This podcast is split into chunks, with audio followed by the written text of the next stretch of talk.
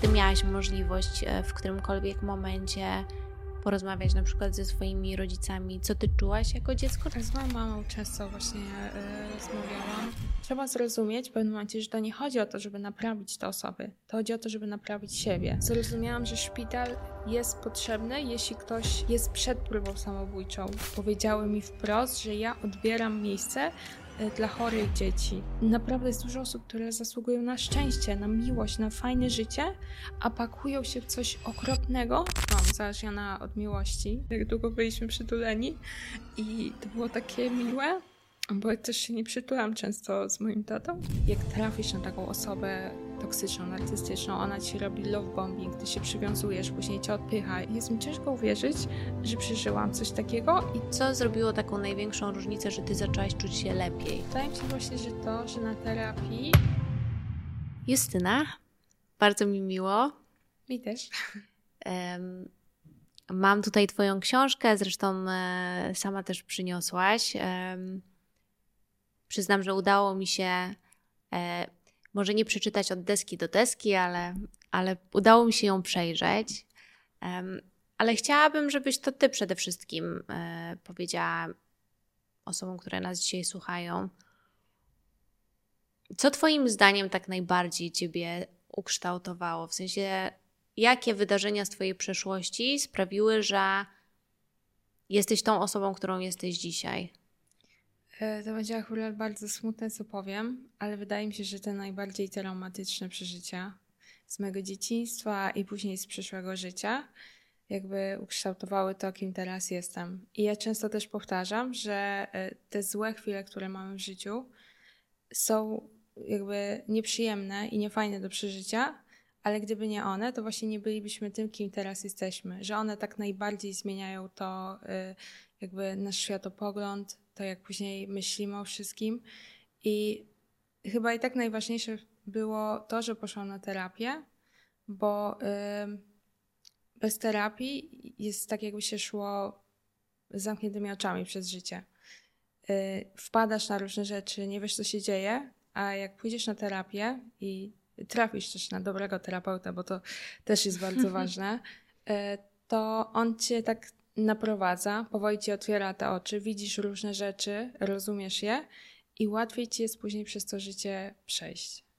Więc y, wydaje mi się, że te ciężkie przeżycia, y, to na przykład, że mój tata był alkoholikiem w dzieciństwie, że y, jakby wychowałam się w takim domu, który nie był bezpieczny dla mnie, w którym nie miałam miejsca na swoje emocje, w którym bardzo jakby byłam zagubiona też i nie, nie miałam szans na to, żeby się rozwijać prawidłowo, to e, sprawiły, że jakby przez większość życia byłam bardzo zaburzoną osobą, że jakby taką kubką nieszczęść, która szła przez życie, ledwo co szła, bo też niestety miałam bardzo dużo prób samobójczych właśnie przez, przez to, że miałam zaburzenia, przez to, że miałam depresję, która właśnie wynikała z, z trudnego dzieciństwa.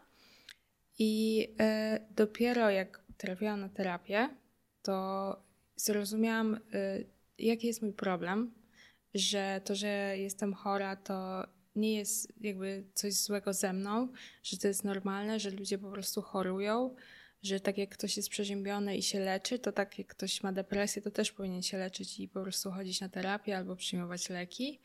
I y, jakby naprawiałam trochę mój obraz siebie w głowie, że nie jestem problemem, że nie jestem jakąś okropną osobą, tylko potrzebowałam po prostu pomocy. Ale trochę czasu zajęło, co? Żeby znaleźć tą odpowiednią osobę też, e, bo z tego, co e, przeczytałam w Twojej książce, już pomijając szpital psychiatryczny, o którym zaraz możesz opowiedzieć, mm, no to to nie było tak, i myślę, że to jest strasznie ważne, żeby to podkreślić, że pierwszy terapeuta, do którego trafiłaś, to był ten terapeuta, który był odpowiedni, bo nawet pamiętam z Twojej książki, że to chyba jak twoja mama cię zabrała do psychologa, to, mhm. to e, był jakiś taki okres twojego buntu. Tak. I, i wręcz, wręcz wszystko to, co powiedziała tam ta pani psycholog czy terapeutka, bo nie wiem jaka była dokładnie jej e, specjalizacja. Tak. To było dość niewłaściwe. Tak, y, ona jakby zamknęła mnie w pokoju swoim i zaczęła mi mówić, że y, jeśli ja nie przestanę pić, zaczęła do mnie mówić, jakbym ja na tamtym etapie już była zaawansowanym alkoholikiem. Y, a ja jakby, tak jak mówisz, miałam okres buntu i po prostu też odreagowywałam w alkohol, co nie było właściwe, ale jakby dużo osób odreagowuje w ten sposób. Przepraszam. I ja też zawsze jakoś takim trafem wpadałam w niewłaściwe towarzystwo, że oni właśnie często pili, imprezowali i robili jakieś głupie rzeczy. I ja zawsze się z nimi trzymałam, bo takie, jakby powiedzieć, porządne dzieci. E, wydawało mi się, że ja jestem dla nich jakby niewłaściwa, że przez to, jak ja mam dom, przez to też, jak ja sama siebie postrzegałam, to nie, coś mi się nie zgadzało i też wydawało mi się, że oni jakby mnie nie akceptują do końca. I y, zawsze trafiałam na to gorsze jakby y, otoczenie. W sensie nie, że to były złe osoby, tylko po prostu też miały jakieś problemy. I y, no i po prostu y, był taki czas, że wróciłam do domu i byłam pijana i moja mama właśnie to zauważyła i zamiast porozmawiać ze mną, jakby dlaczego to robię, po co to robię, to wzięła mnie od razu do psychologa, bo tak też jej poradzili w szkole. W ogóle Pedagodzy w szkole to jest też w ogóle osobny temat. Osobny temat i jakiś żart, e, ale wziąłem mnie do tego pedagoga, on mnie zamknął w pomieszczeniu, właśnie zaczął mi mówić, że ja skończę jak mój tata, że jak się nie, nie opanuję to w wieku iluś tam lat, już będę na ulicy, e, będę cały czas pijana. I ja tam siedzę i po prostu miałam takie, że nie wiem, pani do mnie mówi, jakby w ogóle nietrafione to było to, co ona mi mówiła i też bardzo nieodpowiednie mm. E, zwracanie się tak e, do, do dziecka. Ja nie wyobrażam sobie, żeby powiedzieć do kogoś, kogo jakby tata jest albo jakiś inny rodzic e, osobą chorą, zaburzoną czy, czy mającą jakieś uzależnienie, że ta osoba skończy tak samo. To, to jest bardzo takie no, niemiłe i, i też daje taką łatkę takiej osobie, że ona sobie będzie później bała się przez całe życie, że skończy na przykład jak, jak z twój tata. Mm. Ja z wieloma rzeczami z tej książki się jestem w stanie utożsamić. E, I z depresją, szpital psychiatryczny też przerabiałam. Mm, ale to, czego nie jestem w stanie e, sobie wyobrazić, bo tego nie przeżyłam, to jak to jest dorastać w domu e, z osobą, która jest uzależniona od e, alkoholu? I w ogóle, jak gdzieś pytam się swoich obserwujących, o czym by chcieli posłuchać, jaka rozmowa byłaby dla nich ciekawa, to ten temat DDA e, bardzo się przewija. Jak to jest żyć w takim domu? Um, okropnie ciężko. Okropnie ciężko, zwłaszcza jak się jest dzieckiem, które nie ma żadnej możliwości cokolwiek z tym zrobić, ale jednocześnie bardzo chcę, bardzo chcę pomóc, jakby naprawić ten dom, no bo mimo wszystko dziecko kocha bardzo rodzica, nieważne jaki on był, to jest taka pierwsza miłość, którą się ma i którą się chce pielęgnować, którą chce się jakby, żeby się rozrastała, żeby ta miłość też została wzajemniona. I w takim domu nie ma tej miłości, nie ma jakby jakiejkolwiek miłości i, I to jest bardzo smutne, że, że właśnie przez to, że dorastałam w takim domu, no nie doświadczałam za bardzo tego. Jedyna miłość, jaką miałam, to od mojej babci, która właśnie poniekąd zastępowała mi też moją mamę, bo ona była jakby mm, może nie tyle co niedostępna emocjonalnie, ale mm, jakby nie, nie miała przestrzeni też na to. Ona była współzależniona z moim tatą i w sensie nie od alkoholu, tylko jak ktoś jest uzależniony, to y, jakby najbliższe osoby są też współuzależnione w sensie od tej osoby, mm. że to wszystko jest tak zagmatwane razem ze sobą i moja babcia też była właśnie współuzależniona od mojego taty, czyli e, jakby starała się mu pomóc, zawsze mówiła mu, żeby nie pił, ale nie robiła nic, żeby on jakby przestał. E, to i tak by nic nie dało, bo jakby ja już wiem też przez, przez to, jak ja jestem uzależniona, że to osoba sama musi chcieć coś zmienić. I nieważne, czy się ją tam, czy tu, jeśli ona nie będzie chciała zmienić czegoś, no to to nie jest jakby możliwe. I, I no przez taki długi okres, jak się żyje w takim domu, gdzie nie czujesz się bezpiecznie, gdzie y, jakby nie wiesz, czy twój tata wróci tego dnia i znowu będzie jakaś awantura, czy coś się znowu innego wydarzy. Ja, jak właśnie byłam bardzo mała, to spałam z nożem pod poduszką, bo się bałam, że mój tata przyjdzie któregoś e, wieczoru i nas po prostu zabije, bo też często, wiesz, rzucał, że nas pozabija, że siebie zabije. Też często właśnie y, wychodził z domu i mówił, że to już koniec, że on ze sobą skończy. Na przykład y, wieszał pętlę gdzieś w domu. Mm. Y, raz pamiętam, że chciał się faktycznie powiesić i moja mama go uratowała w ostatniej chwili, albo moja babcia, nie pamiętam, ale no było ciężkie bardzo przeżycie i wydaje mi się, że też y, jakby odbiło się później na mnie, bo ja widząc, jak y, moi rodzice sobie radzą z życiem, to później to przelewa się na ciebie. Zwłaszcza jak jesteś młody, to nawet małym dzieckiem, to bardzo się chłonie wszystkie te zachowania. Więc ja widząc, że jeśli masz problem, to uciekasz albo w jakieś używki, albo uciekasz przez to, że chcesz się zabić, później się tak mocno zakorzeniło w mojej głowie, że ja dlatego miałam tyle prób samobójczych, bo gdzieś tam głęboko we mnie było coś takiego, że jeśli ja sobie nie radzę, to powinnam się po prostu zabić.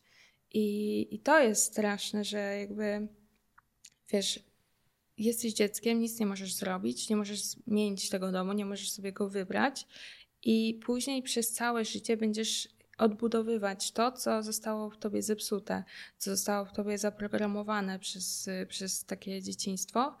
I, I wydaje mi się, że właśnie trzeba jak najwcześniej to zauważyć i nad sobą pracować, bo im wcześniej się zacznie, tym później będzie można zacząć to lepsze życie. To, co mnie tak bardzo poruszyło, czytając Twoją, e, twoją książkę, mm, to to, że mimo tego, co mówisz teraz, tutaj siedząc, to z drugiej strony było czuć tak strasznie dużo wyrozumiałości w stosunku, szczególnie do Twojego taty. Może tam mm, do Twojej mamy też, ale przede wszystkim do Twojego taty.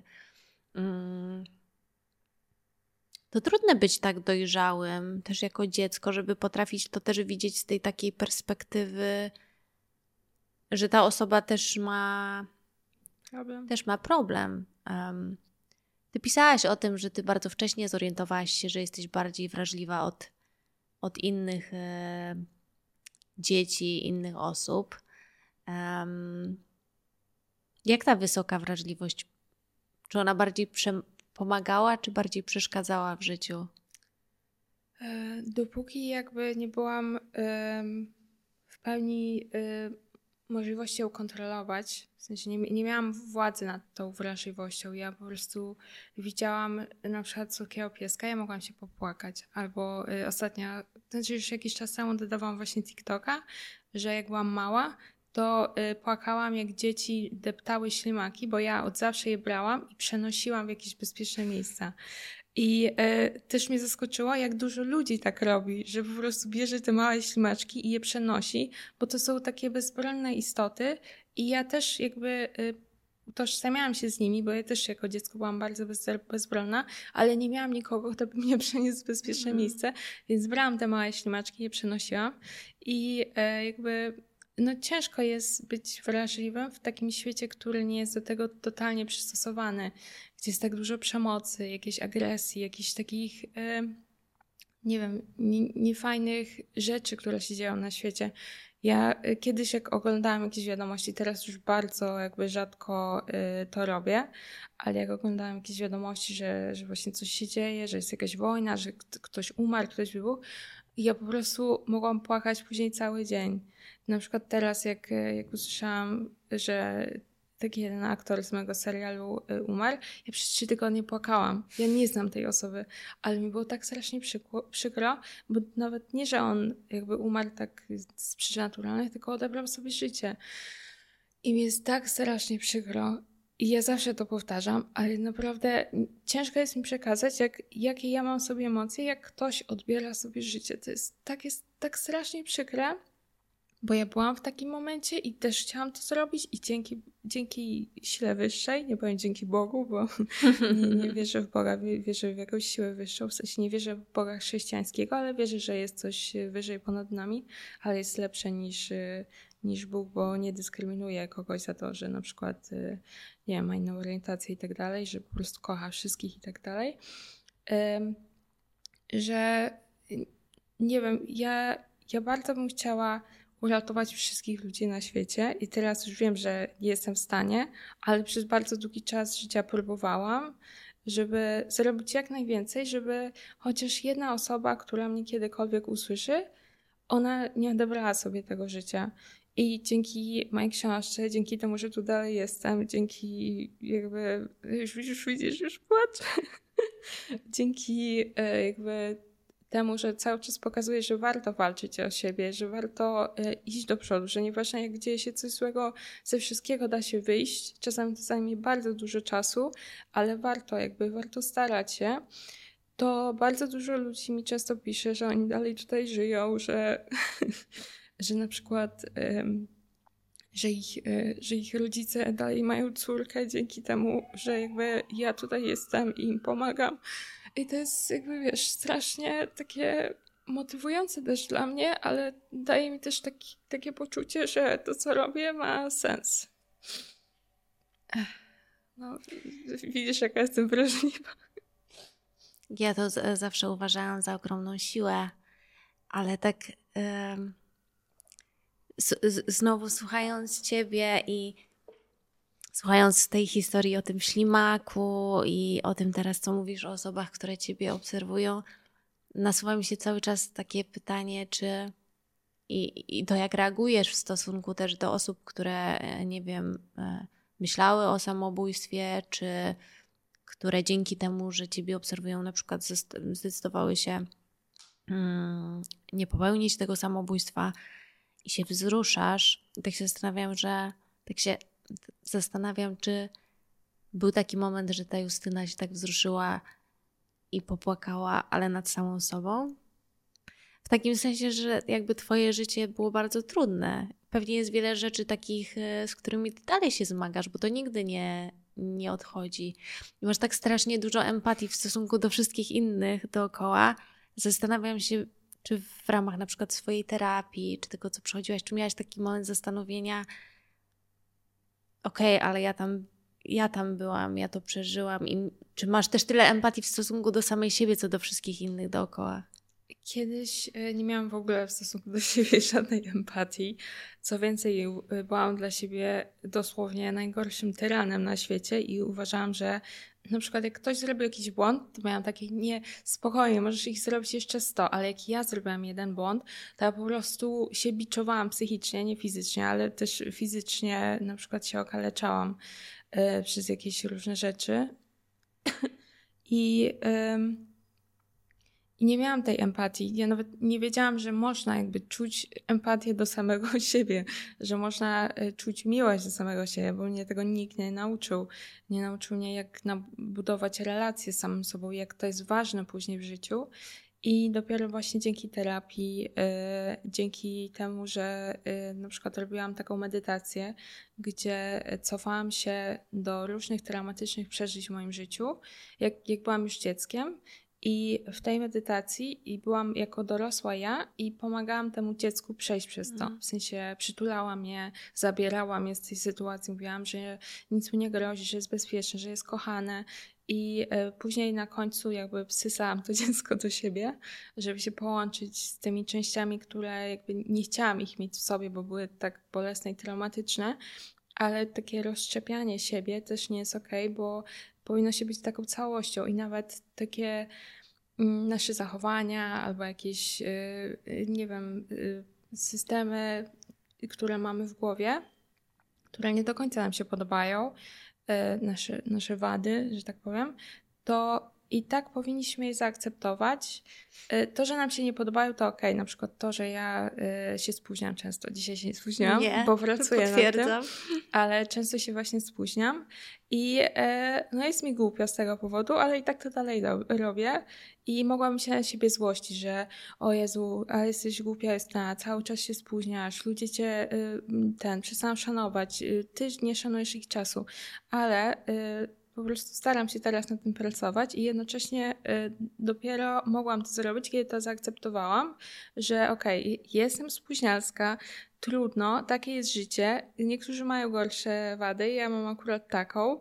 I y, co mogę z tym zrobić teraz? Mogę nad tym pracować, y, mogę też zaakceptować to, a jeżeli się spóźnię, to nie będę na siebie zła i będę mówiła sobie jakieś okropne rzeczy, tylko wtedy mówię, tak miało być. Gdybym się, e, na przykład jest taka historia właśnie, że e, był ten samolot, e, który się tam drzwi tak. oderwały i było siedzenie, na które się ta pani spóźniła i, i, dzięki temu, że się spóźniła, to ona przeżyła. Bo jakby była na tym siedzeniu, to by już jej tutaj nie było. było. I ja sobie teraz tak tłumaczę, jeśli ja się spóźnię, to może gdybym się nie spóźniała i była na czas, może coś by się wydarzyło, więc tak po prostu miało być. No tak, nie, nie jest to najgorsza wada, to, to spóźnialstwo.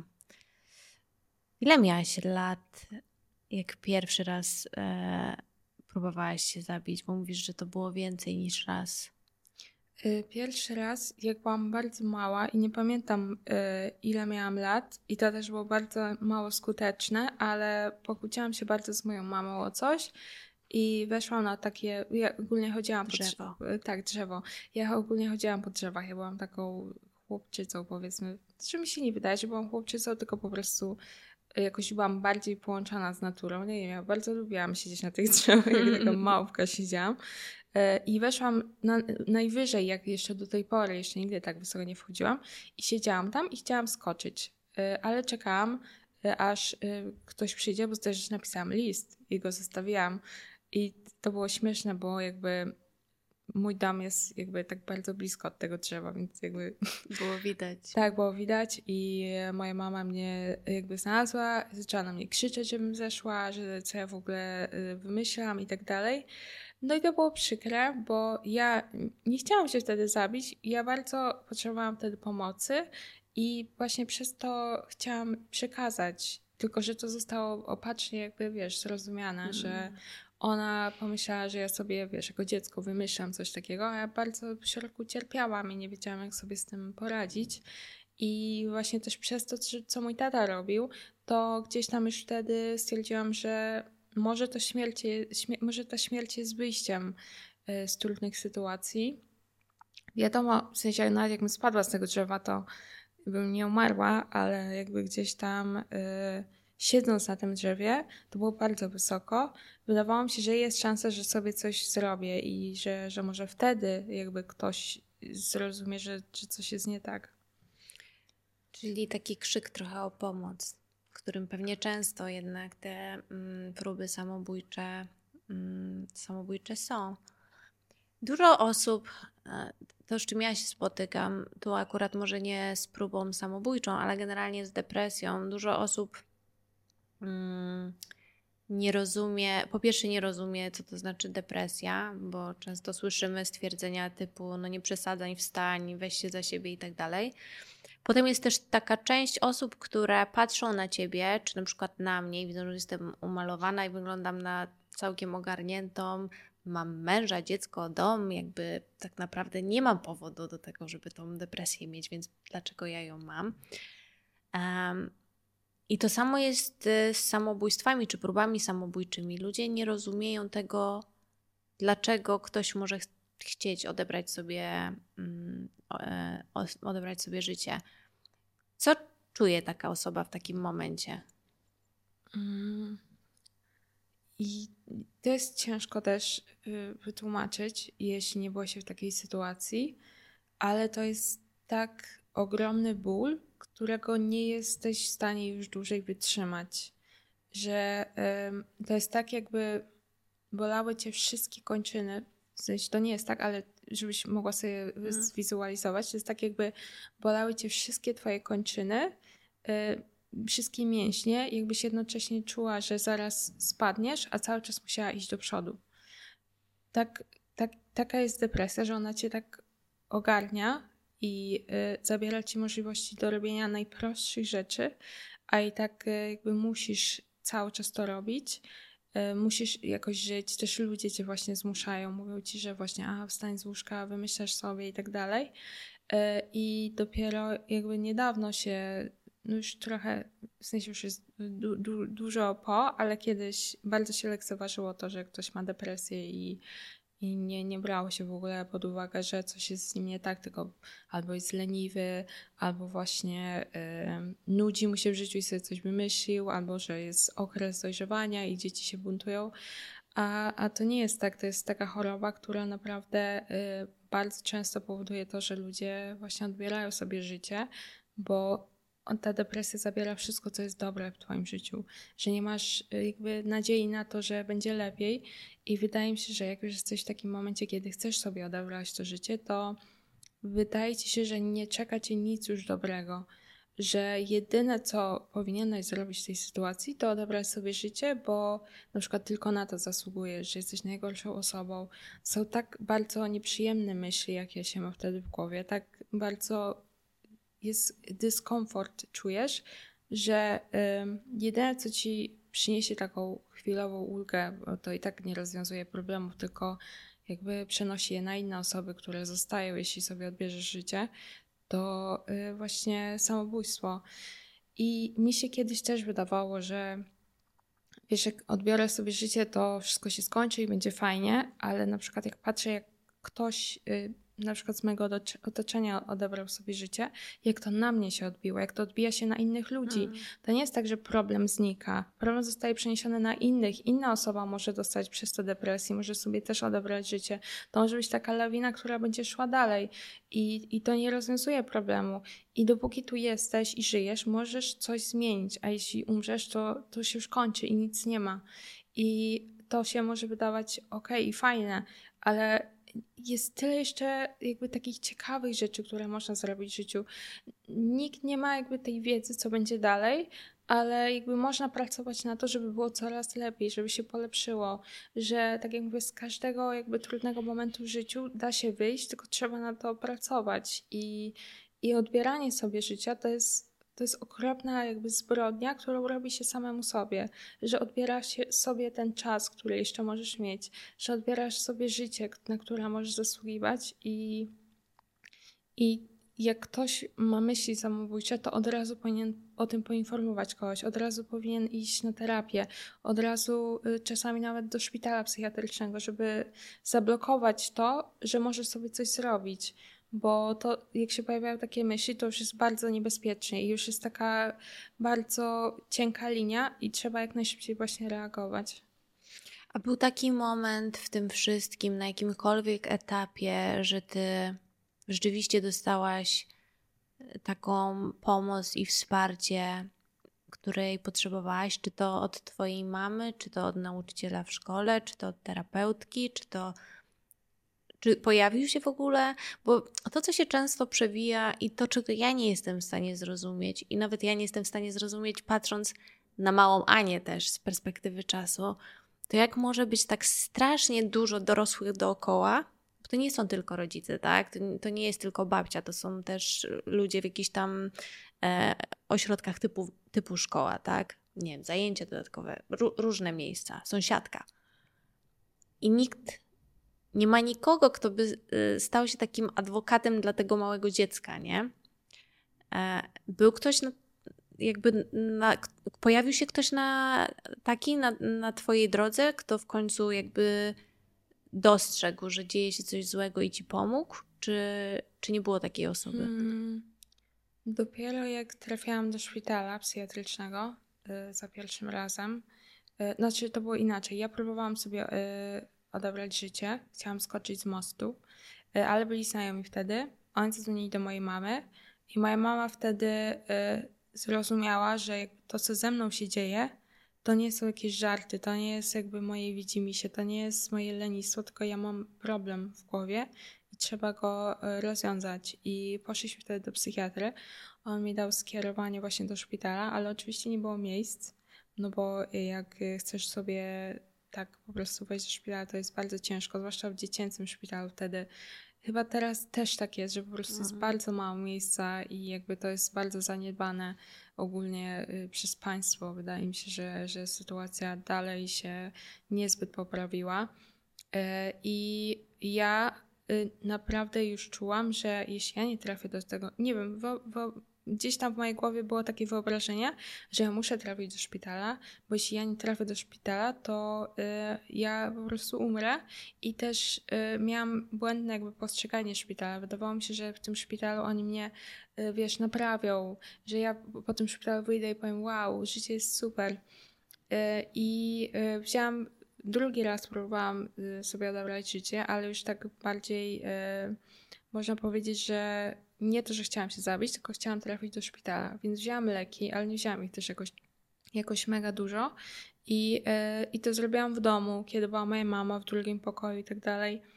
Mm, I to też nie było tak, że ja sobie siedziałam i y, zajadałam tabletki, tylko ja też wtedy bardzo y, płakałam. Ja cały czas płakałam, cały czas się źle czułam, albo spałam, albo właśnie tylko leżałam.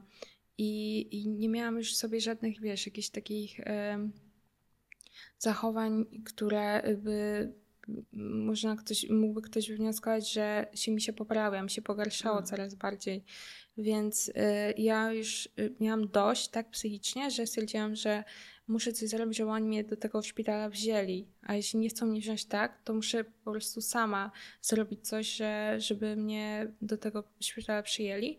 I wzięłam te leki, zabrali mnie do zwykłego szpitala, najpierw na pukanie żołądka, z jedno z najgorszych wspomnień, jakie mam, y, takich fizycznych, mhm. jak wyrzucają ci taką rurę wielką do gardła, a później wlewają ci 5 litrów wody. O oh, wow. Okay. Nie jest to nic przyjemnego i, i jakby też to, jak pielęgniarki do mnie podchodziły tam w tym szpitalu, że wiesz, że one były złe, że ja tam w ogóle jestem, że ja jakby powiedziały mi wprost, że ja odbieram miejsce dla chorych dzieci. I wiesz, jakby z, z, każdej strony jako dziecko dostajesz y, wiadomości, że to ty jesteś zła, to ty jesteś jakaś nienormalna, Problemy. zepsuta, mm. że, że dorośli ci mówią takie rzeczy, kiedy ty, y, wiesz, próbujesz sobie odebrać życie, to oni ci mówią, że zabierasz komuś miejsce. I ja wtedy pamiętam, że y, powiedziałam im, że lepiej, że tutaj zajmuję to miejsce niż na cmentarzu i, i wtedy właśnie jakby się trochę zmienił ten stosunek y, ich do mnie. I później przyszedł właśnie do mnie y, psychiatra ze szpitala i y, stwierdzili, że okej, okay, dobra, biorą mnie do szpitala psychiatrycznego, w którym jakby nie za bardzo dużo się zmieniło. Zmieniła się może bardziej właśnie taka moja empatia do, do ludzi, bo też zobaczyłam, że dużo ludzi ma takie problemy jak ja, bo też wcześniej, jak, jak nie miałam jakby kontaktu z takimi osobami, to wydawało mi się, że tylko ja mam takie problemy. A w szpitalu zobaczyłam, że dużo dzieci właśnie też przeżywa coś takiego.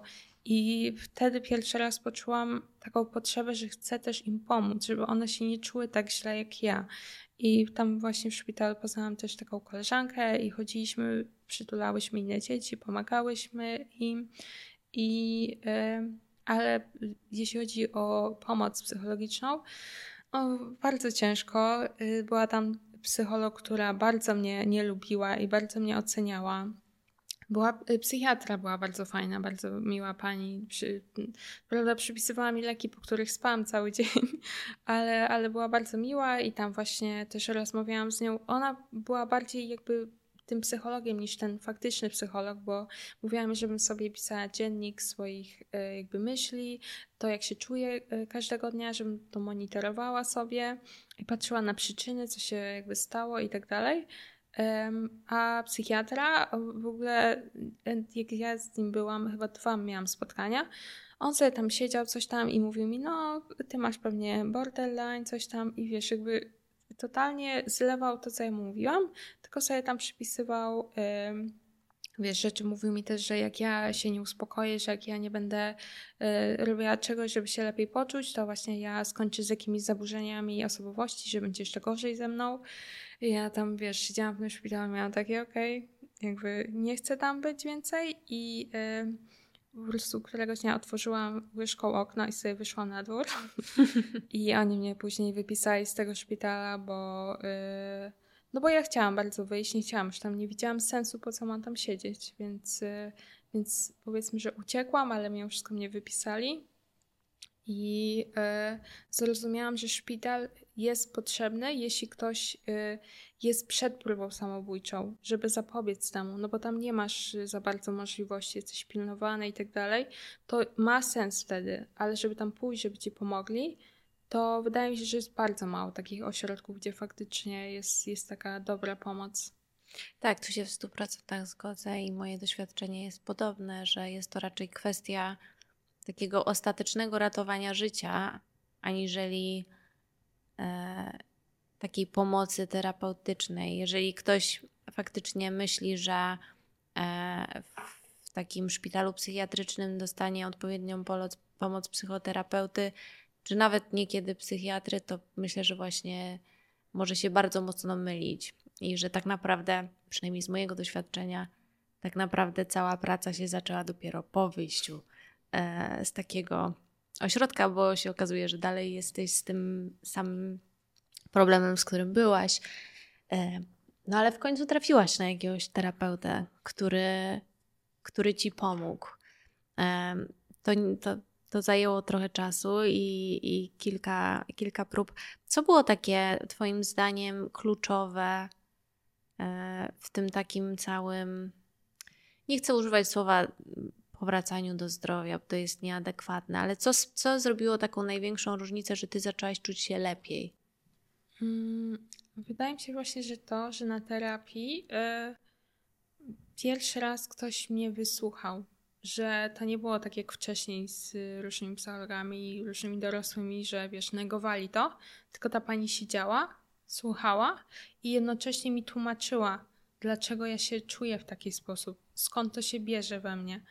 I, i to było coś takiego, że ja y, zrozumiałam, że mam taką bezpieczną osobę, jedną, której mogę mówić rzeczy i która, wiesz, ani tego nie oceni, ani tego y, nie zneguje, ani nie będzie, wiesz, robiła mi o to wyrzutów czy coś takiego. I, I to było bardzo mi potrzebne, bo wiesz, przez wiele lat się nazbierało dużo rzeczy, które chciałam powiedzieć, a nikt nie słuchał. Nikt nie chciał, wiesz, y, poświęcić chwilę albo czegoś, żeby, żeby usłyszeć mnie, to jak ja się czuję, co ja przeżywam. I, i ta, ta pani właśnie mi pomogła. E, I też ja na tej terapii zaczęłam y, rozumieć uczucia. Ja do 19 roku życia y, nie miałam jakby pojęcia o y, tym, może nie 19, 17, 18 lat chyba wtedy miałam. Ja do tylu lat nie potrafiłam rozróżnić, jakie mam uczucia w sobie. Nawet nie wiedziałam, jakie mam uczucia, że Y, że czuję stres, że czuję lęk. Jakby nie rozumiałam tego i dopiero ona mi pokazywała, y, że niektóre właśnie na przykład w moim ciele albo i tak, y, że coś jakby przeżywam, że to jest właśnie dana emocja. Ja też bardzo byłam impulsywna i nie potrafiłam tego kontrolować, no bo nie wiedziałam, co się ze mną dzieje. Mm. I dopiero kiedy właśnie ona mi to wytłumaczyła, dała mi narzędzia, żebym ja mogła z tym pracować, to ja zauważyłam, że faktycznie jakby im więcej y, przykładam na to uważności, y, im częściej y, zwracam uwagę i pracuję nad tym, to to się powoli zaczyna we mnie zmieniać. I zauważyłam, że faktycznie ta, taka terapia ma sens i że to działa. Że to nie jest, że tak jak w filmach pokazujesz, że się kładziesz i mówisz, ale miałam dzisiaj zły dzień. Tylko, że idziesz tam i naprawdę robisz dużą robotę, bo to jest mimo wszystko duża robota i też to nie jest y, nic łatwego, żeby nie było, że, że ten, że bo ludzie też myślą, że pójdą na terapię, usiądą, będą mówić i, i to załatwi sprawę. Nie, ty tam mówisz, yy, dowiadujesz się rzeczy, ale później to, co ty robisz z tymi informacjami, z tymi narzędziami, to zależy od ciebie i ty możesz to wykorzystać, żeby naprawdę zmienić bardzo dużo obszarów swojego życia I, I to jest super, tylko trzeba jakby chcieć, trzeba y, też właśnie przykładać się do tego. To jest tak jak praca domowa ze szkoły, tylko fajniejsza trochę powiedzmy i też robi się dla siebie, a nie dla kogoś, więc, y, więc wydaje mi się, że warto jakby cały czas pracować nad sobą, bo też zmieniamy się na przestrzeni lat, wiesz, mózg inaczej się y, tam y, układa w głowie i, i też różne wydarzenia się dzieją po drodze i to wpływa na to, że myśl, kiedyś myślałam, że pójdę na jedną terapię i to będzie ok, wszystko, ale później się wydarzyło coś kolejnego, znowu poszłam na terapię, później kolejna rzecz i też poszłam na terapię. I mi się wydaje, że jeszcze pójdę kiedyś na terapię. I nie ma w tym nic złego, bo ja wiem, że gdy będzie źle, to ja tam pójdę, że jest miejsce, w którym ja jakby znajdę pomoc. I może nie znajdę znowu od razu terapeuty tak o, bo, bo też y, nie miałam tych samych terapeutów cały czas, miałam trzech różnych do różnych problemów, mm, ale jakby wiem, że warto szukać, warto się starać, bo jak się znajdzie tą odpowiednią osobę, to ona jest w stanie tak bardzo pomóc, że to jest aż nie do opisania, jak się później życie zmienia. Tak, i też e, taka e, adnotacja ode mnie dla osób, które zaczynają terapię, że przynajmniej z mojego doświadczenia często jest tak, że na początku terapii możesz się czuć nawet gorzej, zanim się poczujesz tak. lepiej. Przynajmniej ja tak czasami miałam, że to, to, co powiedziałaś a propos ciężkiej pracy, to że czasami po godzinie terapii to ja byłam tak wykończona, że ja przychodziłam do domu, się kładłam e, i nie byłam w stanie po prostu e, wstać, bo jakby ta ilość tych właśnie emocji, które nagle człowiek też e, doświadcza, no to jest też wykańczające. Mm, jak się nauczyłaś nazywać te emocje, to nie jest łatwe. Ja nie wiem, szczerze powiedziawszy, czy ktokolwiek to tak potrafi robić sam z siebie. Myślę, że to są takie rzeczy, których każdy w jakimś stopniu powinien się nauczyć. Mm, czy ty miałaś możliwość e, w którymkolwiek momencie porozmawiać na przykład ze swoimi rodzicami, co ty czułaś jako dziecko, czy w ogóle nie miałaś takiej, e, takiej rozmowy? Mm, z moją mamą często właśnie e, rozmawiałam. Ona też dużo razy mnie przepraszała, właśnie też E, sama poszła na terapię w końcu po wielu prośbach i, i właśnie potem jak ona poszła na terapię, to też nam się poprawiły e, w jakimś stopniu relacje i z moim tatą jest trochę gorzej, jakby powiedzieć, bo on nie chce rozmawiać o emocjach. On ma to bardzo, wiesz, zakorzenione. Głęboko. Mhm. Tak, też jakby nie był nigdy y, na terapii, ani E, też był wychowany w czasach, kiedy wiesz, mężczyzna powinien być silny, mm. jeśli mówi o emocjach, to jest słaby. To jest słaby też. E, nie miał też takiego wzorca, w sensie w męskości, bo mój dziadek, jego tata umarł, jak on był młodszy i moja babcia tylko go wychowywała, a moja babcia też już wtedy była trochę starsza, więc to też gdzieś tam było zaburzone i i jest ciężej się jakby mi przebić, ale y, powiedziałam, ostatnio właśnie z nim rozmawiałam i powiedziałam mu o moim uzależnieniu, że jestem uzależniona właśnie od marihuany. I, I to było dla mnie bardzo ciężkie, żeby wiesz, powiedzieć mu coś takiego, bo gdzieś miałam sobie lęk, że może to być katalizatorem do tego, żeby on wrócił do swojego uzależnienia. Hmm. I, I bardzo się o to martwiłam, ale opowiedziałam mu to wszystko i, i chciałam mu to powiedzieć też, żeby poczuł, że gdyby coś było nie tak w związku z jego uzależnieniem, że gdyby pojawiała mu się jakaś, wiesz, ochota, żeby wrócić do picia, to że może zawsze do mnie zadzwonić, że zawsze może mi powiedzieć, bo ja rozumiem. I, i właśnie przez, przez cały dzień z nim o tym jakby rozmawiałam, cały czas to wałkowałam, powiedzmy. I też y, jak, jak mu to powiedziałam, to później usiadłam i go tak przytuliłam i tak długo byliśmy przytuleni. I to było takie miłe, bo też się nie przytulam często z moim tatą. Ja mam straszny daddy issue. Jezu, ja mam naj, najgorsze daddy issue, jak widzę, jak jakieś dziewczynki na TikToku, wiesz, yy, spędzają czas z rodzicami, w sensie z tatą, to ja po prostu się zalewam łzami, bo jest mi przykro, bo wiem, że jakby nieważne jak będę się starała, jak mój tata się będzie starał, nigdy nie stworzymy już takiej, wiesz, relacji, niestety. I, I to jest taki brak, który czuję w sobie i który nawet jeśli sama daję sobie tą miłość i tak dalej, no nie jestem w stanie tego jakby uzupełnić i, i wtedy jak byłam z nim tak przytulona i powiedziałam mu o tym, to było mi tak przez chwilę jakby czułam, że mam faktycznie tatę. No. Bo ty cały czas jesteś tym rodzicem, co? Trochę... Trochę tak. Byłaś jako dziecko i tak z tego, co mówisz, dalej trochę jesteś. Znaczy, staram się właśnie, właśnie nie być. No, moi rodzice są tacy, moja mama bardziej taka, że yy, jakby zachowuje się czasami tak, że mam tak, że przewracam oczami jak rodzic dosłownie, ale już mam takie, że nie, że to nie jest moja sprawa, ona jest dorosłą osobą, niech sobie robi co chce yy, i, i tyle. Moja siostra wydaje mi się, że się bardziej jakby tym przejmuje i bardziej jakby matkuje. Ona jest starsza ode mnie mm. też 6 lat. Też powiedzmy, że była dla mnie trochę mamą taką bardzo średnią. No wiadomo, w, w rodzeństwie się... Była różnie. Tak, no. Często się biłyśmy i tak dalej, więc no, ale też jak, jak już dorosłyśmy, ona poszła na terapię, ja poszłam na terapię, wyprowadziłyśmy się osobne miejsca, to ta relacja też między nami się jakby zacieśniła, bo okazało się, że y, ja bardzo nie lubiłam mojej siostry przez to, że moja mama porównywała mnie do niej cały mm. czas, że mówiła, że o patrz, ona ma dyplomy, super się uczy, coś tam. I okazało się, że moja mama mówiła to samo mojej siostrze o mnie.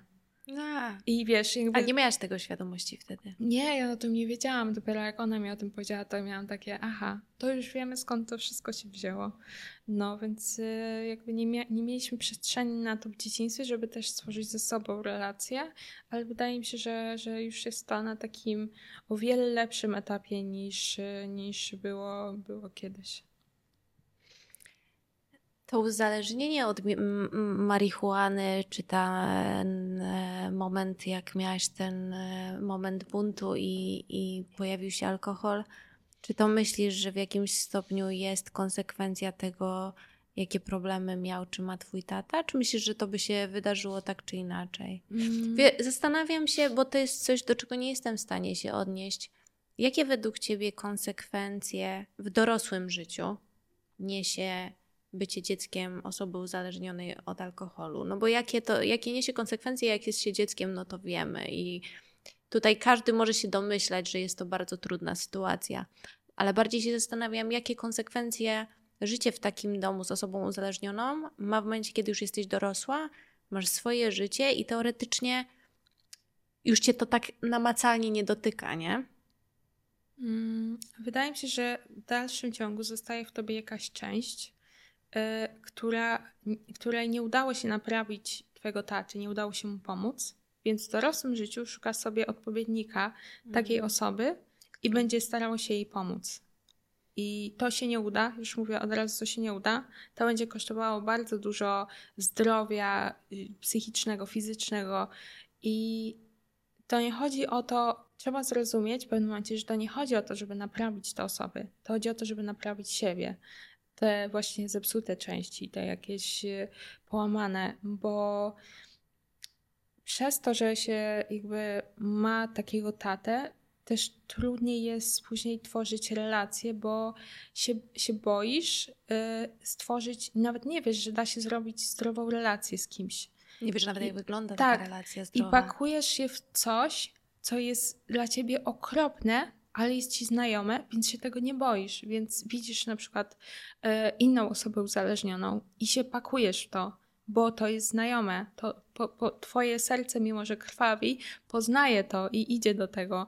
I wiesz, jakbym miała, jakby stało dwóch chłopaków, który jest no, najsłodszą, najkochańszą osobą na świecie, i jakiś totalny psychopata, no wiadomo, pójdę do psychopaty, bo jest mi bliżej do, do terroru, do krzyków, do awantur, do jakichś, wiesz, przepychanek i tak dalej, niż do tego, co jest mi totalnie nieznajome i, i, nie wiem jakby co się robi w takiej zdrowej relacji. Mm. Znaczy teraz już wiem, ale, ale... kiedyś, wiesz, nie, nie wiedziałam, było to dla mnie przerażające, wiesz, sam fakt, że ktoś mnie może pokochać po prostu tak bez niczego, bez żadnych powodów, że ja nie muszę się starać, że nie muszę płakać, prosić o tą miłość, że ona po prostu jest mi dana tak z, sama z siebie, z, z, wiesz, to się nie mieści w głowie osoby, która się wychowywała w takim domu, bo tam nie dostało się tej miłości, tam się o tą miłość prosiło, błagało, a i tak jakby zostały takie rzucone kruszki takiego chleba i to jeszcze tak bardzo rzadko w okresie, gdzie, kiedy na przykład był,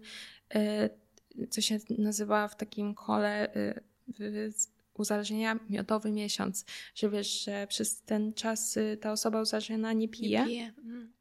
Więc wiesz, wiesz, wtedy były mi rzucane takie okruszki, nawet czasem bułka jedna, ale no y, to się kończyło. I znowu musiałam prosić, znowu musiałam zabiegać o to. I, i wiesz, później w dorosłym życiu y, łatwiej jest ci odnaleźć się w tym, co jest ci znajome. I to jest bardzo smutne, że naprawdę jest dużo osób, które zasługują na szczęście, na miłość, na fajne życie, a pakują się w coś okropnego, bo uważają, że na to zasługują, bo uważają, że to jest jakby, wiesz, znajome i, i jakoś mogą się w tym odnaleźć. Więc y, to, to jest y, jakby konsekwencja tego w dorosłym życiu.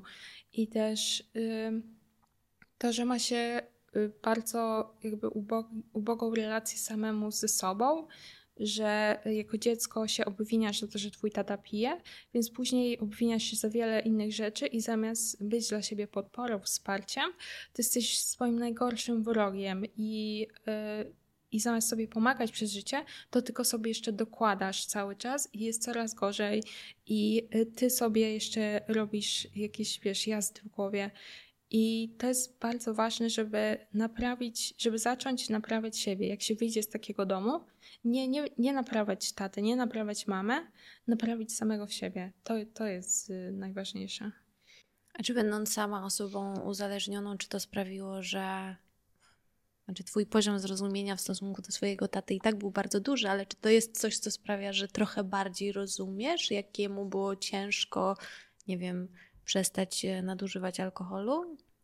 E, tak, jakby ja zrozumiałam y, już trochę wcześniej, bo też byłam uzależniona od miłości. W sensie y, to też jest właśnie konsekwencja mhm. dorastania w takim domu, że jak trafisz na taką osobę toksyczną, narcystyczną, ona ci robi love bombing, ty się przywiązujesz, później cię odpycha i to jest taki sam schemat jak, jak w dzieciństwie, więc uzależnia cię ta, ta dawka tej odrobiny miłości, którą gdzieś tam ktoś ci sypnie i da co jakiś czas.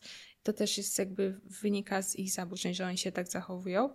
E, I te zaburzenia tak idealnie do siebie pasują jak takie puzelki i żyje się w takiej toksycznej relacji, która tak wyniszcza psychicznie i fizycznie, że e, ja po takiej relacji przez, dosłownie przez miesiąc spałam po chyba 18 godzin dziennie i nie kłamie.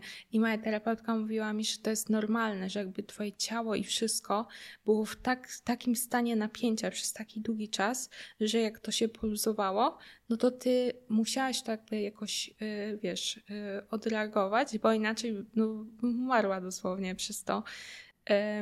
I zapomniałam, y, do czego zmierzaliśmy. Że zrozumiałaś, A. pytałam się o zrozumienie Twojego taty. Tak, i jak byłam uzależniona emocjonalnie, to już wiedziałam, jak działa mechanizm właśnie uzależnienia, że, że potrzebujesz więcej, że, że jakby nieważne jak źle jest, ty i tak potrzebujesz danej rzeczy. I ale dopiero jak się uzależniłam od substancji, to też y, jest bardzo podobny mechanizm, ale trochę inny, bo tam masz emocje i tak dalej, a tutaj masz daną substancję, rzecz. I ja zobaczyłam, że miałam takie paniki, miałam derealizację, depersonalizację. Ja się budziłam, się trzęsłam cała, wiesz, miałam jakieś paranoiczne myślenie. Wydaje mi się, że też miałam jakieś epizody psychozy, bo to, to co się działo w mojej głowie, to było okropne.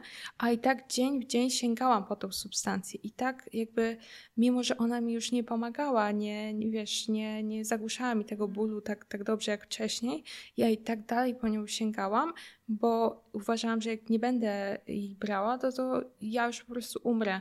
Ja już miałam tak później zaawansowaną depresję, że ja na, nawet jak przez sekundę nie paliłam, to ze mnie się lało jak z wodospadu. Ja płakałam, ja się trzęsłam i, i dwa pierwsze tygodnie, jak przestałam palić, to ja już miałam tak bardzo dużo tych zaburzeń, które się mi nawarstwiły przez, przez to palenie, które mi wróciły przez to, że ja właśnie zaczęłam palić, że ja ja naprawdę do tej pory jest mi ciężko uwierzyć, że przeżyłam coś takiego i te dwa tygodnie, które były najgorszymi tygodniami w moim życiu, to one mnie trzymają też przy tym, żebym ja nie wróciła do, do palenia, bo ja wiem, że jeśli wrócę i znowu bym miała przez coś takiego przechodzić, to no, nie ma takiej siły życiowej, żeby, żeby mnie do tego przekonała, bo wydaje mi się, że drugi raz bym czegoś takiego nie przeżyła. Więc y, zrozumiałam, że zrozumiałam mojego tatę, jakby też, że on y, przez to, że ma te emocje, wiesz, tak zaklinowane, to y, one mu, ten alkohol mu w jakimś stopniu pomagał. Też mój tata często płakał po alkoholu, wiesz, mógł się uzewnętrznić, mhm. też płakał, mówił, że on już nie wytrzyma, że on się zabije, że on już ma dość i y, wydaje mi się, że ten alkohol właśnie mu pomagał, był taką odskocznią i też mimo wszystko, że mój tata jest taki na zewnątrz, wiesz, zamknięty, to on jest bardzo wrażliwy w środku i, i ten alkohol jakby mu pomagał uciec też od swojej głowy, od różnych rzeczy, ale jest taka różnica między nami, że jakby ja przestałam palić i poszłam na terapię i wiesz, staram się jakby nie chcę do tego wracać. I też zauważyłam różne zachowania we mnie, które są z tym związane, że na przykład e, jak brałam też inne substancje, że ja mam coś takiego, taką potrzebę w sobie, że jak czuję, że jest trochę fajniej, ja chcę więcej. Jest nieważne, co ja robię. Czy piję kawę, czy cokolwiek, co mi daje, na przykład słodycze też. Jak jem słodycze, to chcę jeść ich cały czas, bo to jest przyjemne dla mnie i nie wiem, zjadła 50 cukierków. Yy, znaczy to nie jest dużo, ale no powiedzmy na przykład tysiąc cukierków yy, albo też z innymi jakby yy, substancjami i też mi się zmieniło, że na przykład jak zaczęłam pić alkohol, to zauważyłam, że jak już jestem taka, wiesz, wstawiona, to mam takie, że jeszcze więcej, że pijmy więcej, a ja mam ten problem, że ja mam bardzo wysoką tolerancję i zauważam, że na wszystko, że muszę bardzo dużo brać różnych rzeczy, żeby na mnie oddziaływały, mm. więc ja, żeby się super czuć po alkoholu, to muszę mieć zatrucie alkoholowe jednocześnie i e, przestałam w ogóle pić też alkohol. Nigdy jakby nie sprawiał mi przyjemności, więc e, wydaje mi się, że takie wspólne jakby cechy, które mamy ze sobą, e, one się przełożyły na to, że mamy uzależnienia, ale jakby ja przez to, że też miałam inne terapie, też miałam tą terapię uzależnienia od miłości wcześniej, bardziej zrozumiałam ten proces, jaki zaszedł, dlaczego ja się uzależniłam, co to mi dawało i jak mogę zamienić to na coś, co będzie zdrowszego, żeby sobie pomóc, to u niego niestety to nie nastąpiło. U niego dalej chyba, wydaje mi się, w głowie jest coś takiego, że jeśli wydarzy się okropna rzecz, to on jest szansa, że wróci do bicia. Ja też nie że jakby u mnie jest tak, że ja obiecuję, że do końca życia nie będę palić, ale y, nawet jak byłam na terapii, to mówiłam mojej terapeutce, że jakby ktoś mi postawił przede mną y, cały stół jakichkolwiek narkotyków, ja y, no, nie jestem w stanie przewidzieć, czy bym czegoś nie wzięła, bo y, jakby zależy w jakim etapie będę mojego życia. I to jakby też jest ok, i moja terapeutka powiedziała, że to jest ok, bo okłamywanie się, że wiesz, że na przykład nigdy nie weźmiesz niczego, to jest takie złudne trochę i złamiesz tę obietnicę, będziesz na siebie zły, a jak masz tą rezerwę, to jakby też nie ufasz sobie w 100%, ale masz ku temu jakieś powody i to jest jakiś, jakaś forma też zabezpieczenia, że, że wiesz, że w jakichś sytuacjach to masz coś takiego, że okej, okay, dobra, ja już sobie pójdę, fajnie było, ale no, y, nie biorę takich rzeczy i y, do widzenia. Myślę, że mm, świadomość e, swoich słabości jest też oznaką wielkiej siły, jednak, e, a każdy z nas te słabości ma. Mm. Ciekawe jest to, co powiedziałaś a propos tej miłości, bo jak był u mnie Jarosław Gibas i mówił o osobowości narcystycznej, to to, co bardzo mocno wybrzmiało i wiem, że nie wybrzmiało tylko mocno dla mnie, ale dla wielu osób, które tej rozmowy słuchało, to to, że właśnie konsekwencje takiej relacji bardzo często się e, ponosi, jak ta relacja dopiero się skończy, i te konsekwencje to są bardzo często konsekwencje właśnie fizyczne. Często to są e, choroby, i mm, to jest ciekawe, że, że do tego stopnia też nasz organizm fizycznie reaguje mm, na takie sytuacje. Ja wiem, że ty nie chcesz rozmawiać już o e, aferze Pandory, E, ja też, powiedziawszy, nie chcę. E, ale chciałam się tylko zapytać w kontekście takim, kiedy się przytrafiają takie sytuacje, coś, co na dodatek jeszcze było bardzo publiczne, to ty, czy, czy też masz taki element braku zaufania do siebie i na przykład idziesz od razu na terapię, bo wiesz, że będziesz tego potrzebować, czy po prostu już masz właśnie te narzędzia, o których mówiłaś, których się nauczyłaś na terapii i z nich korzystasz i one pomagają ci przejść przez tego typu sytuacje? Y, w sensie, jak już jest po tej całej aferze, jak ta afera wyszła w chyba było w listopadzie albo w mm. październiku, to y, ja już miałam te narzędzia, ale jak się dowiedziałam o tym dwa lata wcześniej, w sumie trzy lata wcześniej, to y, nie miałam tych narzędzi. Ja nawet nie byłam, nie wiedziałam, że muszę się w życiu przygotować na coś takiego, że dostanę taką informację, że ktoś, kogo bardzo mocno kochałam, zrobił komuś innemu krzywdę, jeszcze bardzo młodej osobie. I tym bardziej mnie bolało to, że ja też zostałam skrzywdzona jako dziewczyna, młoda bardzo. Może nie w taki sposób, ale też zostało, zostało naruszone moje ciało w jakiś sposób przez właśnie chłopaków starszych. I, i to nie było ok. Ja się z tym bardzo źle czułam.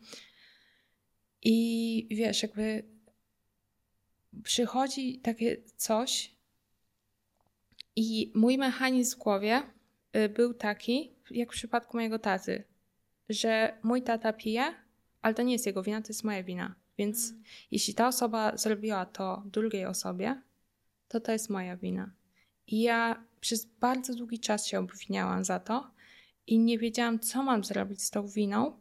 I to mi sprawiało tak ogromny ból, zwłaszcza, że ja chciałam coś z tym zrobić. Ja chciałam, wiesz, naprawić tą sytuację i z każdej strony zostawałam odmowę albo został zlewany ten temat, albo zostałam nazwana wariatką i wiesz, że niszczę komuś życie. Ja jedyne, co chciałam robić całe życie, to pomagać innym i, i dalej to robiłam i zostałam za to tak bardzo niesłusznie skrzywdzona, że nie wiedziałam, co mam z tym wszystkim zrobić i jedyne, co przyszło mi w tamtym okresie, żeby to po prostu znieczulić. I zaczęłam palić, i to przez długi czas mi pomagało, bo ja nic nie czułam. I wiesz, ludzie palą marihuanę, żeby wiesz, się zrelaksować i tak dalej, a u mnie to działało tak, że mi wyłączało emocje. I ja jestem bardzo wrażliwą osobą, bardzo emocjonalną. I przez, bez tych emocji ja byłam najgorszą wersją siebie, jaka jest możliwa bo emocje mnie kształtują, kształtują to, kim jestem. I jeśli ja nie mam tej empatii, nie mam tej wrażliwości, nie mam tej miłości, to ja jestem dosłownie moim tatą, kiedy on był właśnie uzależniony.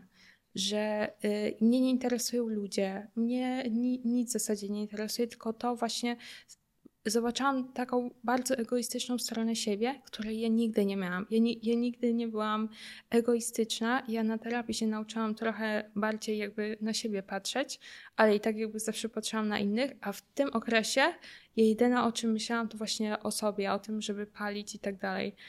Więc y, to się na mnie bardzo odbiło i, i bardzo jakby zniszczyło mnie psychicznie i ale też moja terapeutka powiedziała, że ja nie mogę siebie karać też za to, że zaczęłam brać narkotyki, bo ja przez całe życie obiecywałam sobie, że nigdy nie będę brała narkotyków, żadnych w sensie. I w sensie takich mocniejszych też, mhm. bo y, marihuana też jest narkotykiem, ale chodzi mi o takie inne. I też mam dużo znajomych y, uzależnionych.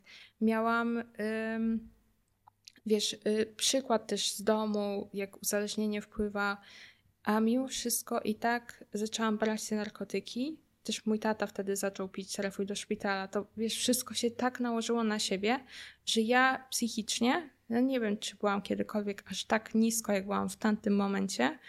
I y, ja brałam te narkotyki y, po to, żeby umrzeć, bo nie chciałam umierać, y, w sensie odebrać sobie życie w jakiś inny sposób, bo ci wszyscy ludzie by się zawiedli na mnie, więc znalazłam sobie lukę. Jeśli mhm. przydawkuję jakieś narkotyki, to yy, ktoś może odebrać to jako, y, wiesz, próbę samobójczą, ale zazwyczaj... Nie będzie jednoznaczne.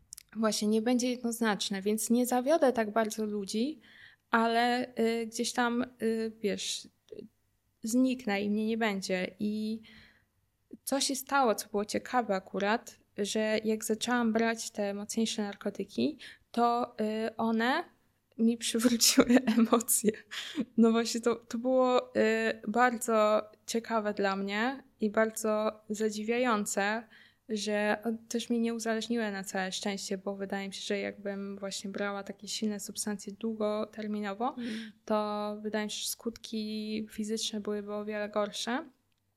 Ale one mi przywróciły emocje i też pokazały mi, y, że y, jakby mam w sobie jakieś szczęście, że mogę je czuć i że mogę do tego dojść, ale też jakby to było ciekawe, bo robiły mi taką terapię w głowie, że jakby słyszałam taki głos, który mi gadał, że słuchaj, widzisz, ta, teraz czujesz szczęście i możesz jeszcze je poczuć w życiu. Też y, jakby zaczęło mi rozkładać jakieś y, moje zachowania w głowie, że na przykład to, że ja się przytulam właśnie do ludzi po narkotykach, ja ogólnie bardzo się nie lubię przytulać do ludzi i tak mam że no nie za bardzo, to zobaczyłam, że bardzo się przytulam, bo y, jest mi łatwiej się przytulić do kogoś y, jakby nieznajomego, bo jak mam bliską osobę, to boję się, że ją stracę, albo że ona umrze, albo że odejdzie, bo dużo było takich przypadków, więc boję się z nim zbudować taką bliską Blisko. więź, jaką bym chciała.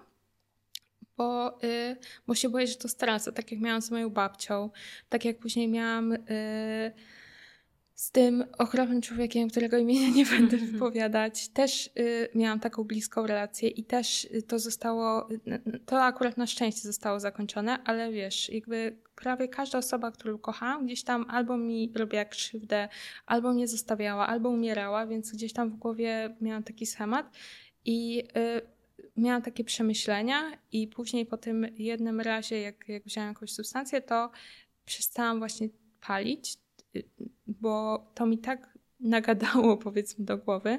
Ja też e, nie zachęcam nikogo do brania narkotyków. To nie jest reklama ani nie, nic. absolutnie. Nie, to, to akurat ja byłam w takim bardzo złym okresie życia i, i to nie jest. Okay. Nie, nie bierzcie narkotyków, zwłaszcza jak macie problemy psychiczne, to to bardzo może wam zaszkodzić. Ja akurat mam jakiś, nie wiem, yy, jakiś miałam fart, że akurat tak to na mnie zadziałało. Wydaje mi się, że, że też mam taką część w sobie, ja zawsze mówię, że mam takie, taką ciemną część i taką jasną część i ta jasna część mnie ciągnie do góry, a ta ciemna część mnie ciągnie w dół. Ale też jak zrozumiałam, y, o co chodzi tym częściom, w sensie y, tej ciemnej i tej jasnej, bo uważam, że ta jasna jest ok, a ta ciemna jest zła. A to nie jest tak, bo ta zła po prostu ciągnie mnie w dół, bo ona jest przez te zachowania, wiesz, przez y, moje dzieciństwo, że ono się nauczyło, że jeśli coś się złego dzieje, to się zabijamy, bo taki, taki jest schemat i ono to używa jako ochronę. I jak pogadałam sobie z tą ciemną częścią i wytłumaczyłam jej, że jeśli dzieje się coś złego, to nie musimy umierać, możemy znaleźć inne rozwiązanie, wiesz, możemy iść na terapię, możemy spróbować jakiejś medytacji, czegokolwiek. I to nie jest, to już nie jest to rozwiązanie, które było w dzieciństwie i nie chcę już go mieć. I jakby te części się tak wyrównały i teraz stoją na równi i już y, jakby nic mnie nie ciągnie w górę, bo też to ciągnięcie w górę nie zawsze było ok. Jak na przykład ja chciałam być smutna i nie mogłam sobie pozwolić na mm. smutek, bo mnie ciągnęło w górę, nie, musisz być szczęśliwa. Teraz jestem na równi i jak chcę być smutna, to jestem smutna, ale tak bezpiecznie, a jak jestem szczęśliwa, to też jestem szczęśliwa i no, wtedy to już mogę być jak bardzo chcę. Um, I y, jak, jak już y, przestałam palić, to już po roku dopiero mi tak puściło, że faktycznie przestałam czuć tą potrzebę i, i teraz będą dwa lata. Czekaj, której? 2024 już. Szokujące. Trzy, czekaj, trzy lata chyba. Lata. Dwa, 2021, marzec, to będą dwa. Czekaj, trzy. Trzy zaraz. No i zaraz czekaj, będą trzy. Od 2021 okay. to będą zaraz trzy nie chcę skłamać, ale możliwe, że będą trzy. Czas Może szybko dwa. leci. Tak, szybko leci. Nie, nie jestem w stanie sobie y, przypomnieć teraz, ale nie no, bo jak jest 600 dni, to teraz się... Nie, no na pewno więcej niż dwa lata. Najpie- więcej niż dwa lata, to, tak. też, to też duży wy, wyczyn. Więc już y, jak to wyszło, to w ogóle śmiesznie, że to wyszło w momencie, kiedy ja y, przyszedł taki moment, gdzie właśnie odcięłam się od internetu, od wszystkiego i miałam taki tydzień, gdzie sobie tylko medytowałam, nawet nie miałam telefonu okay. ani zegarka, ja nie wiedziałam, o której się budzę, która jest godzina, tylko potrafiłam to ustalić przez to, jak na przykład dzwony biły w kościele. Oh. Albo jak słońce wysoko było, która jest godzina. Y, I to było dla mnie też bardzo ciekawe, bo wtedy też dostawałam bardzo dużo takich przemyśleń do głowy i stwierdziłam, że okej, okay, jakby ludzie będą mnie uważali do końca życia za wariatkę, nic z tym nie zrobię. To, co mogłam zrobić, zrobiłam i, i po prostu to puszczam i e, pozwalam temu odejść, bo nie chcę tego bólu trzymać sobie dalej, to nie była moja wina i tyle. I puściłam to i chyba dosłownie to było miesiąc później y, to wróciło i miałam takie... No, Ile może można? wtedy, bo byłaś gotowa na to. Może tak być, może tak być. No, może tak miało być i tyle. I, tyle. i tak się złożyło. I dzięki, wydaje mi się, że też dzięki temu, że byłam w takim miejscu, w jakim byłam, to akurat nie wpłynęło na mnie tak mocno, chociaż rzeczy, które się dowiedziałam, bo ja na przykład nie wiedziałam o większości tego, ja wiedziałam tylko o tej jednej sprawie, którą ja chciałam nagłośnić i jak dowiedziałam się o tym wszystkim innym, to było mi ciężko, bo jakby mimo wszystko ciężko jest takie informacje sobie przetworzyć w głowie, zwłaszcza jeśli się kochało taką osobę. I no, to było straszne, jakby też uświadomienie sobie. Nie wiem, wydaje mi się, że ja sobie to często tak porównuję, że tak samo jak rodzina się dowiaduje, że ktoś jest mordercą, też mm. to jest takie, taka sprzeczność w głowie, y, że no nie wiesz, jakby co, co masz myśleć, co, jak masz się zachować, ale w tamtym etapie już jakby totalnie przekreśliłam tą osobę, bo jeszcze jak nie wiedziałam o tych wszystkich rzeczach, to przez przeszłość i tak dalej tamtej osoby to myślałam, że to jest wiesz, jakiś problem, że to się da naprawić, że jak, jak pójdzie na terapię i tak dalej, że będzie lepiej, bo yy, no, tam były różne bardzo też krzywe akcje w jego dzieciństwie, ale no nie mogę kogoś, wiesz, usprawiedliwiać. Ja też miałam ciężkie dzieciństwo i nie zachowuję się w taki sposób. I yy, no te, nie chcę mieć nic wspólnego z tym człowiekiem, ani z ludźmi w jakimkolwiek stopniu powiązanymi. Ja też się cieszę, że jakby odcięłam osoby, które w tamtym okresie na przykład nie, nie wierzyły mi albo, wiesz, myślały, że ja też jestem jakaś zwariowana, kiedy pokazywałam im, wiesz, rzeczowe dowody na to, może nie, nie takie rzeczowe, że dosłowne, ale pokazywałam im coś i one jakby totalnie to lekceważyły, jakby nie chciały wierzyć. I mhm. rozumiem to z jednej strony, że wiesz, że mechanizm w twojej głowie nie chce uwierzyć, że ktoś, z kim masz do czynienia, może robić coś takiego, ale no, to było bardzo niesprawiedliwe w stosunku do mnie, więc cieszę się, że teraz mam w otoczeniu tylko ludzi, którzy są ok, że też bardzo zwracam uwagę na to, kim się otaczam i wolę mieć y, trzy osoby, a nawet jedną, której ufam, która jest ok, niż mieć milion znajomych, którzy wiesz, są fałszywi. Co dają ci w dniu dzisiejszym e, social media takie jak Instagram, e, pewnie głównie Instagram, bo zbudowałaś tam społeczność, która tak jak mówisz też do ciebie pisze, E, zwierza się z różnych rzeczy. Widziałam grupę, widziałam Twoje rolki, e, które są takie bardzo wspierające. Myślę sobie, że z jednej strony pewnie słuchanie różnych historii potrafi być dość obciążające i trudne, ale z drugiej strony pewnie to też jest duża satysfakcja, jeżeli jesteś w stanie mm, komuś pomóc. Pytam, bo ten internet ma takie też dwie strony, nie? Że z jednej strony można z niego wyciągnąć bardzo dużo dobrego, Mm, no ale też nie ukrywajmy, wiadomo, w zależności od tego, na jakie konta trafisz, e, no to też ten kontent będzie różny. Czym dla Ciebie w dniu dzisiejszym jest Instagram i ta społeczność, którą zbudowałaś? Mm, ja jeszcze mam taką rezerwę po tym wszystkim, co się jakby wydarzyło, bo kiedyś byłam taka bardzo otwarta, mm. taka, wiesz, wylewałam się, płakałam, wszystko pokazywałam, a teraz się przez to, co się wydarzyło i przez to, jak ludzie mnie jakby nie mówię o wszystkich, bo były też osoby, które są od początku do końca, zawsze mi wierzyły, zawsze jakby wiedziały, że jestem dobrą osobą i jakby nie chciałam nigdy nic złego zrobić, to, yy, to, to jest fajne, ale mimo wszystko było tak dużo osób, które wiesz, mnie gdzieś tam obrażało i podważało mnie, mój, mój autorytet, cokolwiek, to, to było przykre, bo tak jak mówię, ja zawsze chciałam pomagać, nigdy nie chciałam robić nic złego, a to ja byłam tą najgorszą z jakichś przyczyn. I teraz internet tak bardzo bezpiecznie traktuję, w sensie nie uzewnętrzniam się już tak bardzo.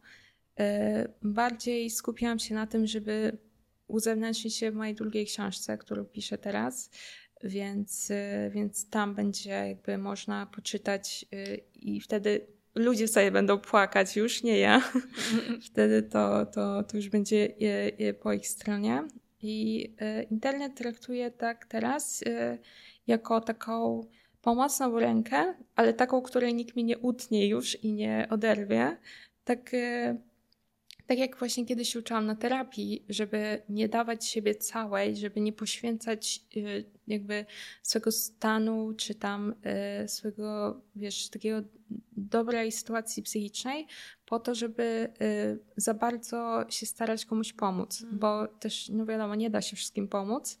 I kiedyś dawałam tego aż za bardzo, także właśnie wiesz, odpisywałam wszystkim, wszystko do siebie przyjmowałam i to mnie bardzo obciążało psychicznie, a teraz y, często robię tak, że po prostu y, bardziej staram się pomagać y, masowo, że tak powiem, niż jednostkowo. Bo wiadomo, wydaje mi się, że jakbym pomagała jednostkowo, to te pojedyncze osoby by się poczuły lepiej, ale to by było mniej jakby efektowne, że wolę jakby pomagać na większą skalę niż pomagać pojedynczej osobie, co nie znaczy, że moje, wiesz, statementy i to, co mówię do ludzi, nie jest dla nich bezpośrednio, bo to jest na przykład dla ciebie. Jeżeli tak czujesz obecnie, nie? Tak, tak. Ja jakby zawsze mówię, że y, jestem z tymi osobami i y, jestem faktycznie, że jak one sobie pomyślą, y, że ja jestem na przykład u nich w pokoju ich przy, przytulam, to ja tam jestem, żeby nie było. E, naprawdę, w sensie czuję jakby, że mogę dać tą miłość i chcę dać tą miłość. I na przykład jak miałam spotkania autorskie, to wtedy y, bardzo wszyscy byli na mnie źli ogólnie w każdym mieście, bo jak ktoś chciał ze mną porozmawiać, to ja faktycznie siedziałam i gadałam z tymi osobami.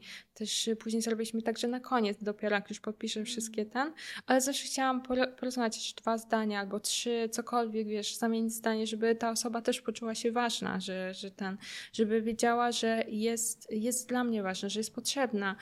I, e, I to, było, to było mega fajne. Do tej pory mam listy od właśnie od ludzi i trzymam je w takim pudełeczku. I czasami jak mam zły dzień, e, taki może nie zły, ale jak mam takie podłamanie, że tak powiem, e, no nie wiem, że... że wątpliwości. Wątpliwości właśnie, czy to, co robię ma sens, sobie otwieram tę skrzyneczkę i czytam te listy i to jest takie kochane. Czasami te historie są bardzo smutne, ale na końcu zawsze jest tam, że dziękuję Ci, że dzięki Tobie właśnie żyję, że jesteś kochaną osobą, że jesteś moją ulubioną jakby nie wiem, y, os- twórczynią i tak dalej, że ty mi pokazałeś, że warto walczyć i to, i to jest właśnie mega kochane i, i, bardzo lubię moją grupę wsparcia. to jest właśnie moja grupa wsparcia, w sensie, że ja dla się... Ciebie. Tak, dla mnie. E, ale no można rozumieć to e, dwojako i ja tam często wrzucam takie, e, na przykład jak coś znajdę, jak sobie przeglądam Instagrama i są jakieś fajne teksty czy coś, to też tam wrzucam.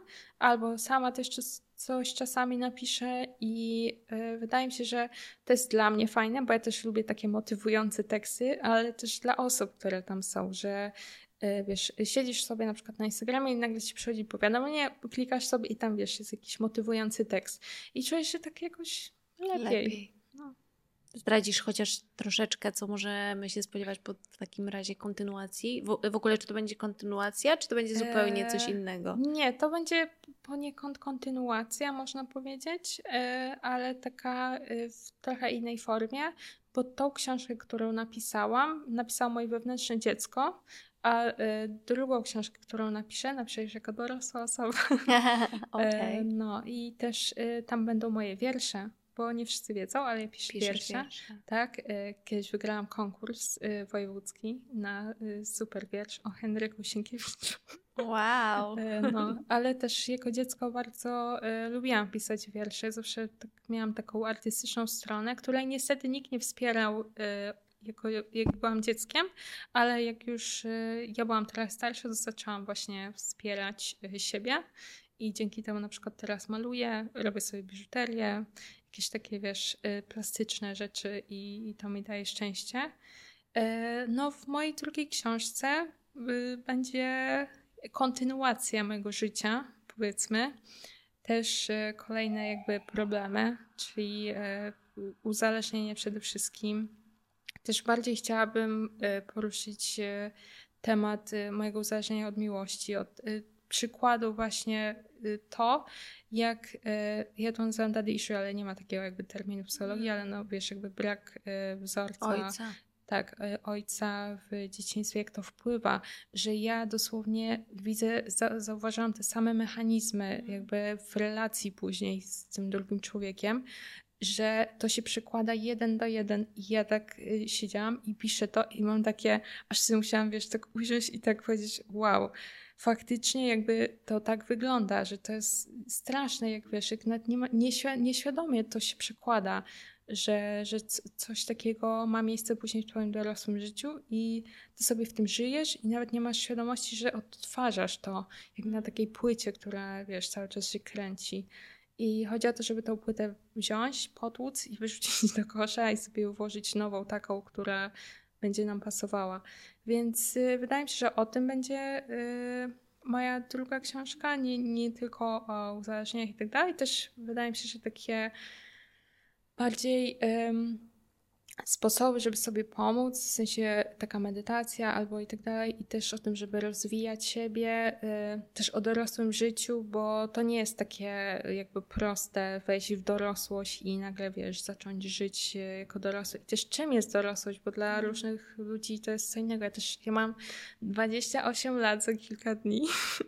Już I wszystkiego najlepszego do przodu. Dziękuję. Ale może napisz na Instagramie jeszcze te, na czat. I ja się jakby czasami zastanawiam, y, czym jest dorosłość, bo jak patrzę na przykład na moją mamę, która miała 27 lat, ona już miała mm. dziecko, dom i tak dalej.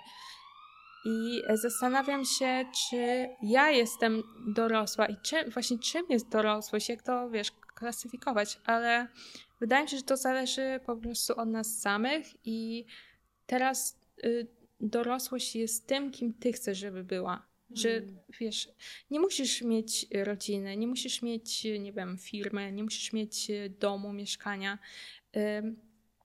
też inaczej się rozwija, jakby y, każdy się inaczej rozwija w, w, swoim tempie i to, że ktoś ma na przykład mieszkanie w wieku, nie wiem, 19 lat, super dla tej osoby, ale ty masz inną historię życia. Ty może będziesz miał willę w wieku 50 i co? I co wtedy? No nic, będzie super, ale musisz dożyć do tych 50, więc też warto jakby nie poddawać się i widząc, patrząc na innych, nie porównywać się ciągle do nich, bo każdy ma indywidualną drogę, którą musi przejść i to, co będzie na tej drodze, to też zależy od niego, od tego, jak on będzie pracował ze sobą, nad swoim życiem. No wiadomo, jeśli ktoś będzie y, całe życie tylko leżał i płakał, że nic mu się nie udaje, a innym się udaje, no to, to też do nikąd nie prowadzi. Trzeba się motywować, trzeba też znaleźć jakiś cel w życiu, y, znaleźć coś, co się lubi, y, odkryć jakieś swoje talenty, bo to nie jest tak, że jednego dnia się budzisz, tak jak na przykład ja, że maluję. Ja nie wiedziałam, że w ogóle umiem malować i wydawało mi się, że ja okropnie maluję. I to jest fakt, ja nie umiem malować kredką ani, wiesz, długopisem, hmm. niczym takim, ale jak mam farby i pędzelek, no to okazuje się, że ja umiem malować super rzeczy.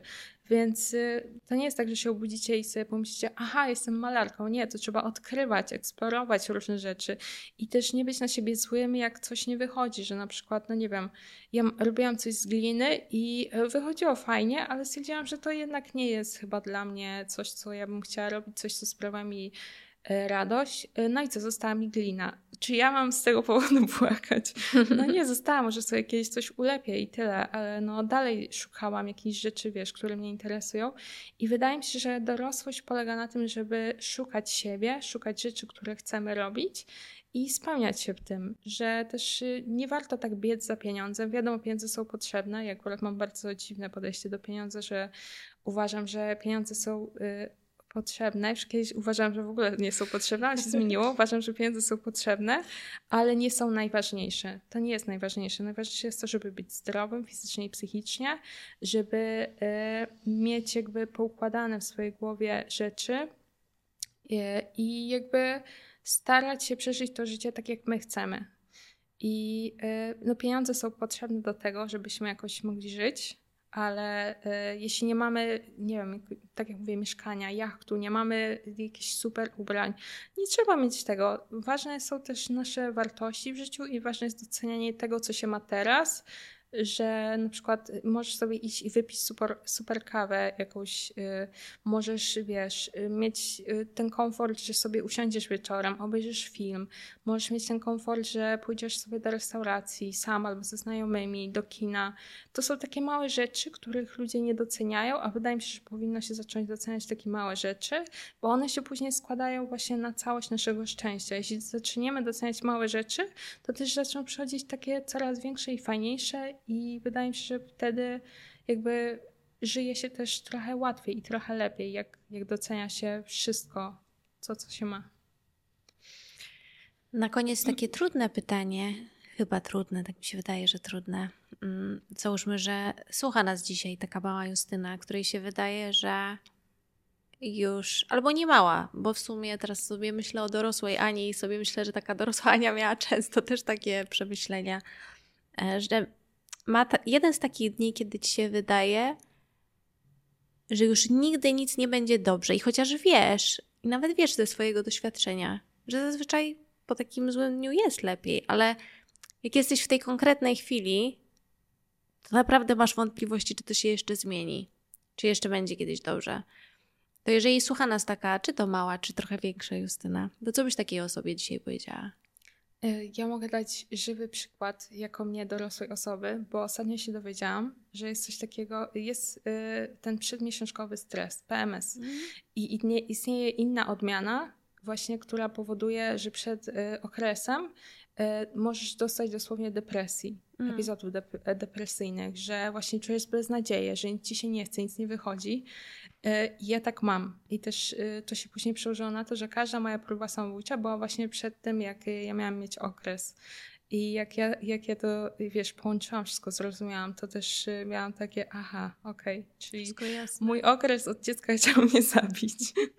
E, w sensie, no, żartuję, ale tak. no, y, wiesz o co chodzi, że tak zmiany hormonalne mają, mogą, wpływ. mają ogromny właśnie wpływ i e, właśnie przez to, że mam też różne inne zaburzenia, to zawsze przed okresem one w jakimś stopniu się mogą mi nasilić, zależy mhm. też w jakim jakby stanie ja jestem psychicznym, bo jak jestem w dobrym, to ten okres mija także że o, jest mi smutno, popłaczę, ale jest okej, okay. ale jak mam zły okres i przychodzi ten okres, to ja naprawdę czuję ogromną beznadzieję życia i jest mi smutno. Y, nie mam siły nic robić, nic mi się nie chce. Uważam, że jestem najgorsza, wiesz, że nic nie, właśnie tak jak mówisz, nic mnie dobrego nie czeka i y, przez większość życia myślałam, że jestem jakaś nienormalna, ale jak już się dowiedziałam, jakby jaki jest problem, skąd to się bierze, bo to też daje ci takie poczucie sprawczości, że jeśli wiesz, co się z tobą dzieje, jakie są przyczyny, to możesz coś z tym zrobić. Dopóki jakby nie wiesz, to chodzisz tak z zamkniętymi oczami, a jak już się dowiesz, na przykład, że masz tą depresję czy coś, to masz jakby,